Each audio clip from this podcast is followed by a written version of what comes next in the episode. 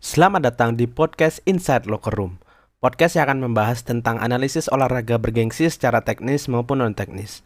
Dan pada episode kali ini, gue akan membahas review singkat tentang match tadi malam antara Manchester United melawan Chelsea FA Cup. Intro dulu.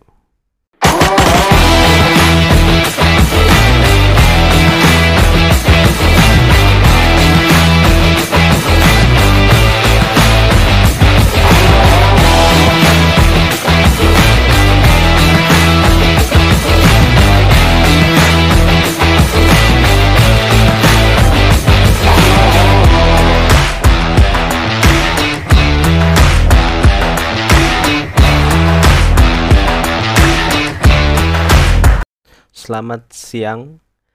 Um, gue nonton tadi malam uh, MU melawan Chelsea di semifinal FA Cup dan MU akhirnya kalah setelah berapa belas match uh, unbeaten dan kalahnya 3-1 melawan Chelsea di semifinal FA Cup. Um, dari segi statistik sebenarnya nggak jauh beda. Dari total shots Chelsea ada 12, MU dapat 7 shots dan on target uh, Chelsea ada 7 shots on target sementara MU ada 3 shots on target. Dari segi possession uh, sebenarnya nggak jauh beda, cuma beda 2% aja. MU 51% dan Chelsea 49%. Dan corner uh, berimbang sama-sama mendapatkan tiga kali corner. Dan menurut gua uh, memang MU lagi nggak on perform dan Chelsea memang layak menang. Kenapa? Karena meskipun ball possession mereka lebih sedikit daripada Manchester United, tapi uh, efektivitas mereka dalam menyerang ini uh, jauh lebih baik daripada MU yang tumpul depan. Dan uh, terlihat banget di mana MU kecapean karena cuma selang berapa hari ya dari match terakhir melawan apa tuh Crystal Palace ya MU. Nah sementara Chelsea uh, memiliki jeda istirahat yang lebih banyak daripada Manchester United dan um, gue mencatat ada tiga poin penting kenapa MU akhirnya bisa kalah dan Chelsea memanfaatkan itu dengan baik.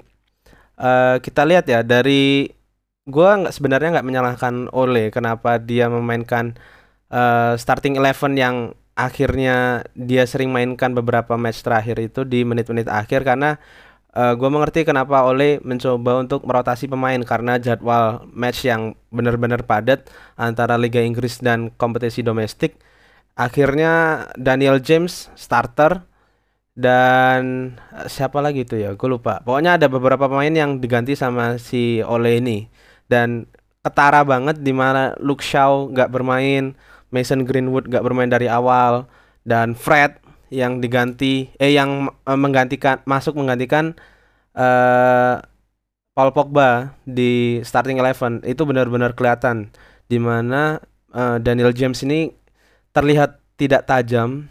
Ya seperti yang gue bilang uh, di beberapa track sebelumnya beberapa episode sebelumnya di mana ketika Mason Greenwood ini uh, uh, memiliki jeda bermain yang sedikit mau tidak mau uh, Daniel James ini harus masuk menggantikan Mason Greenwood agar uh, tidak kecapean dan akhirnya mengalami cedera. Uh, oleh berusaha mengantisipasi itu, tapi kualitas yang dimiliki oleh Daniel James dan Mason Greenwood ini berbeda di mana uh, Daniel James lebih mengutamakan pace-nya, ke, uh, kencengnya dia lari, sementara Greenwood ini lebih ke uh, cara menusuk dia uh, untuk menciptakan gol karena dia uh, finisher murni ya. Uh, sebenarnya waktu di akademi dia nggak bermain di posisi sayap tapi lebih ke uh, on, uh, target man, striker. Tidak efektif dan bisa kita lihat juga Fred uh, menggantikan posisi Pogba yang sebenarnya mengcover Bruno Fernandes dalam hal menyerang dan membantu Nemanja Matic untuk bertahan sebenarnya uh, maksud si posisi Pogba ini sebenarnya. Tapi Fred ini uh, ya angin-anginan ya. Belakang uh, beberapa match sebelum uh, Bruno Fernandes datang memang st uh, startingnya ini mengandalkan Pogba, Fred dan uh, McTominay sebenarnya. Tapi setelah ada Bruno Fernandes yang uh, baik banget dalam uh, nge-build in serangan. Akhirnya uh, Fred ini digantikan oleh posisi Pogba di mana Pogba ini lumayan bagus untuk bertahan dan uh, passing-passing jarak jauhnya untuk menyerang ini juga bagus.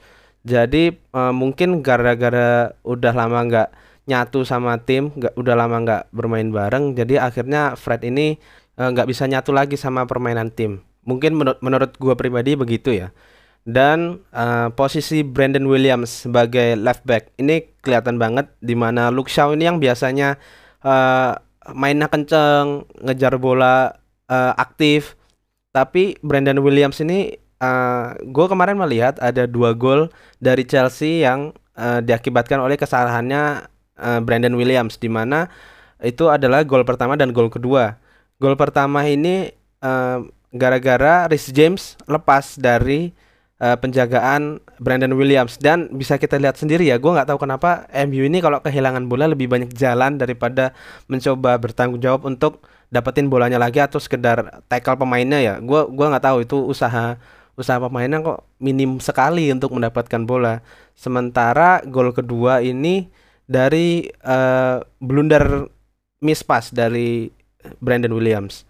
Dan akhirnya tercipta gol kedua bagi Chelsea uh, dari Mason Mount Nah, selain tiga pemain yang gue bahas tadi, uh, sebenarnya ada dua poin penting lain yang uh, harusnya disoroti oleh Ole ya.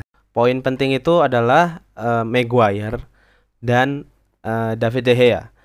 Di mana gue melihat Maguire ini belakangan bermain selayaknya karena gue kemarin sempat lihat Twitter dan uh, ada account account Twitter namanya Troll Football di mana gue menyadari sekali di mana Maguire bermain selayaknya Phil Jones. Jadi dia bilang Maguire is the 80 million pounds Phil Jones. Gila, ke banyak banget kesalahan belakangan ini dari Maguire di mana dia memarking teman dia sendiri waktu corner.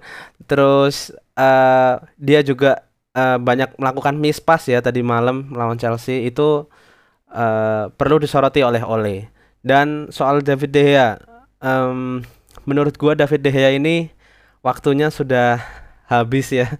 Uh, kita melihat beberapa error dari da David De Gea ini di mana akhirnya berujung kekalahan bagi Manchester United atau sekedar seri lah. Tapi itu merugikan di mana harusnya ini gol itu nggak terjadi gitu. Tapi karena uh, human error si David De Gea ini akhirnya uh, Manchester kecolongan gue punya uh, statistik di mana uh, perbandingan antara uh, David De Gea dengan uh, Dan Henderson atau kiper yang sebenarnya dipinjamkan oleh MU ke Sheffield United tapi ternyata secara mengejutkan Dan Henderson ini bermain sangat baik ya di kompetisi musim ini terutama.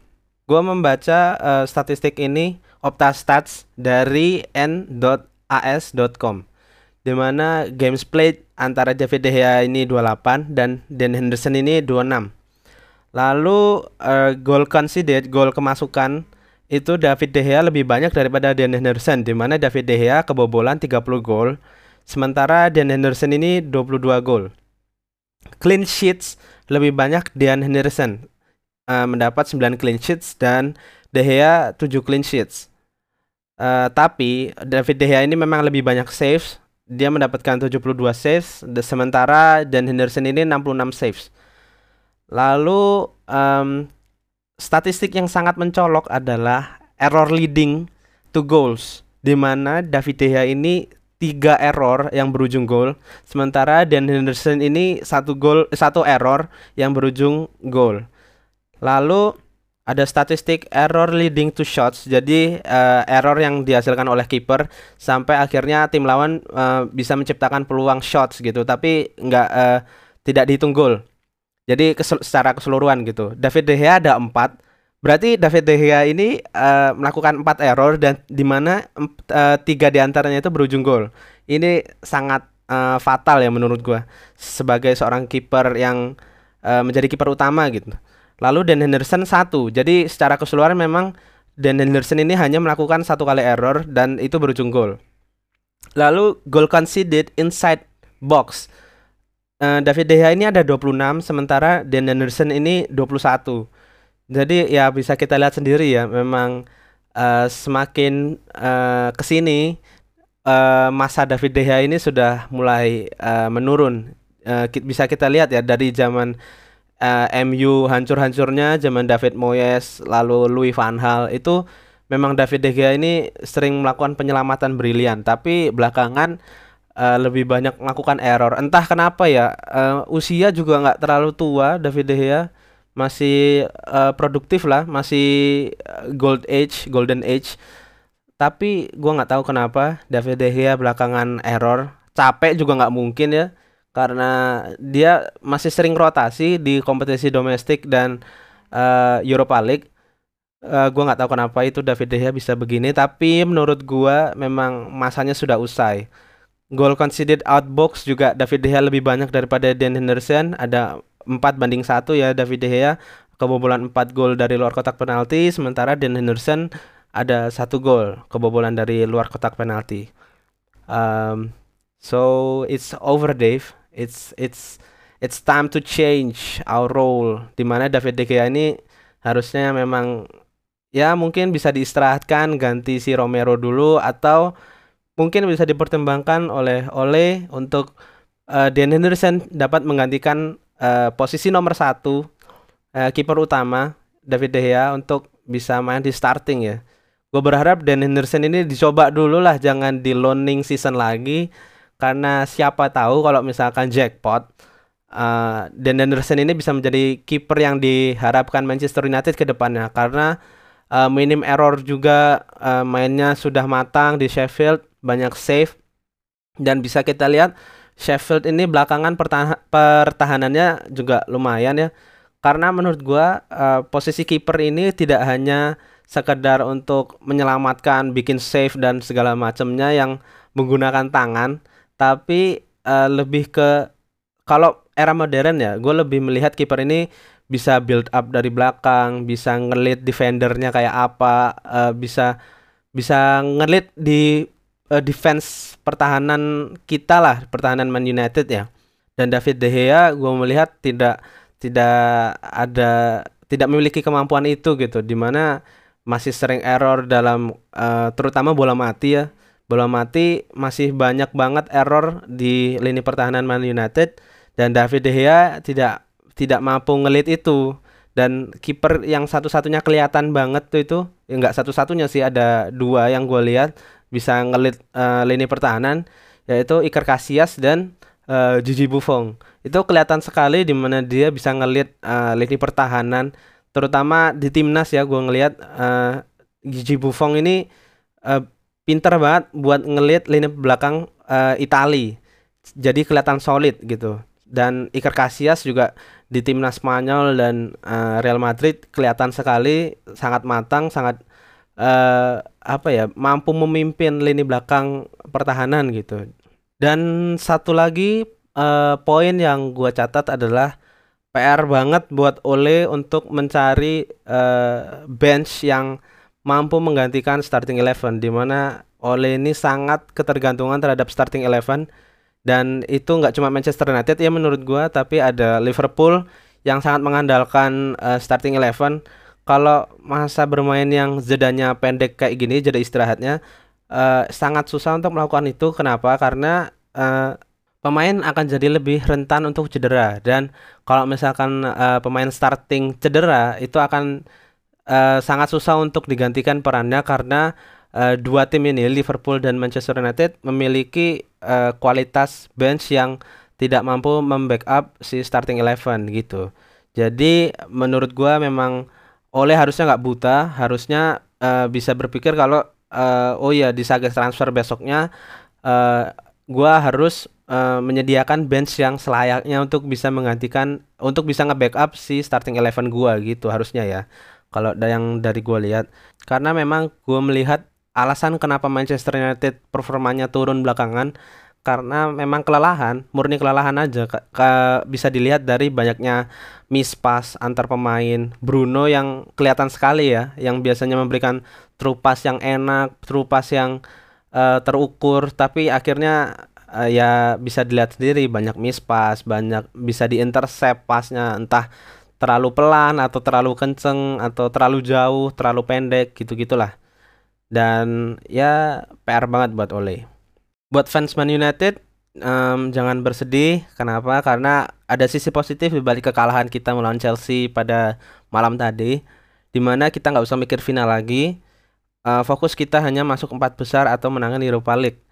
Kenapa? Karena buat masuk Liga Champions ini sangat penting buat Manchester United karena banyak pemain ini mengincar uh, bermain untuk di Liga Champions. Jadi kalau misalkan kita masuk ke zona Liga Champions bisa main di Liga Champions lagi, itu akan memudahkan kita dalam saga transfer besok karena seperti yang gue bilang banyak uh, eh, PR buat Oleh bisa mendapatkan pemain untuk backup entah memperbaiki starting eleven uh, buat Man United ke depannya.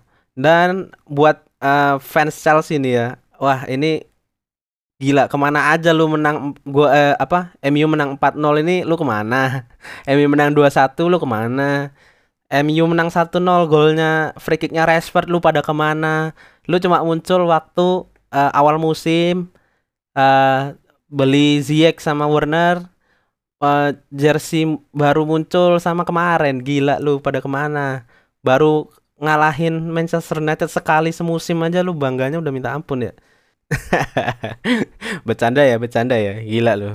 Tapi emang kebangetan sih ini emang yang pada benci MU ini jadiin MU ini buat berita dan dapetin uh, feedback yang lu pengen gitu gila nggak ada MU nggak makan lu katanya gitu. Oke segitu dulu dari gua. Uh, gua akan mencoba membahas mereview match-match lain yang nanti bakal seru ya karena Liga Champions akan mulai lagi di mana Ronaldo akan ketemu mantan timnya Real Madrid. Uh, ada kemungkinan ya Juventus akan ketemu Real Madrid dan Barca yang performanya menurun dan gimana kita lihat nanti Napoli akan ngehabisin Barca ini karena katanya Messi kalau kita nggak berbenah nih tim Barca ini nggak berbenah nggak segera menemukan jati dirinya lagi uh, ada kemungkinan Barca akan menjadi kayak AC Milan. Katanya gitu. Kata legenda lu ya jangan jangan ngelawan gua nih kata karena katanya in, ini katanya legenda lu. Oke segitu dulu dari gua. Uh, see you on the next track. Um, silahkan masuk gua lagi. Thank you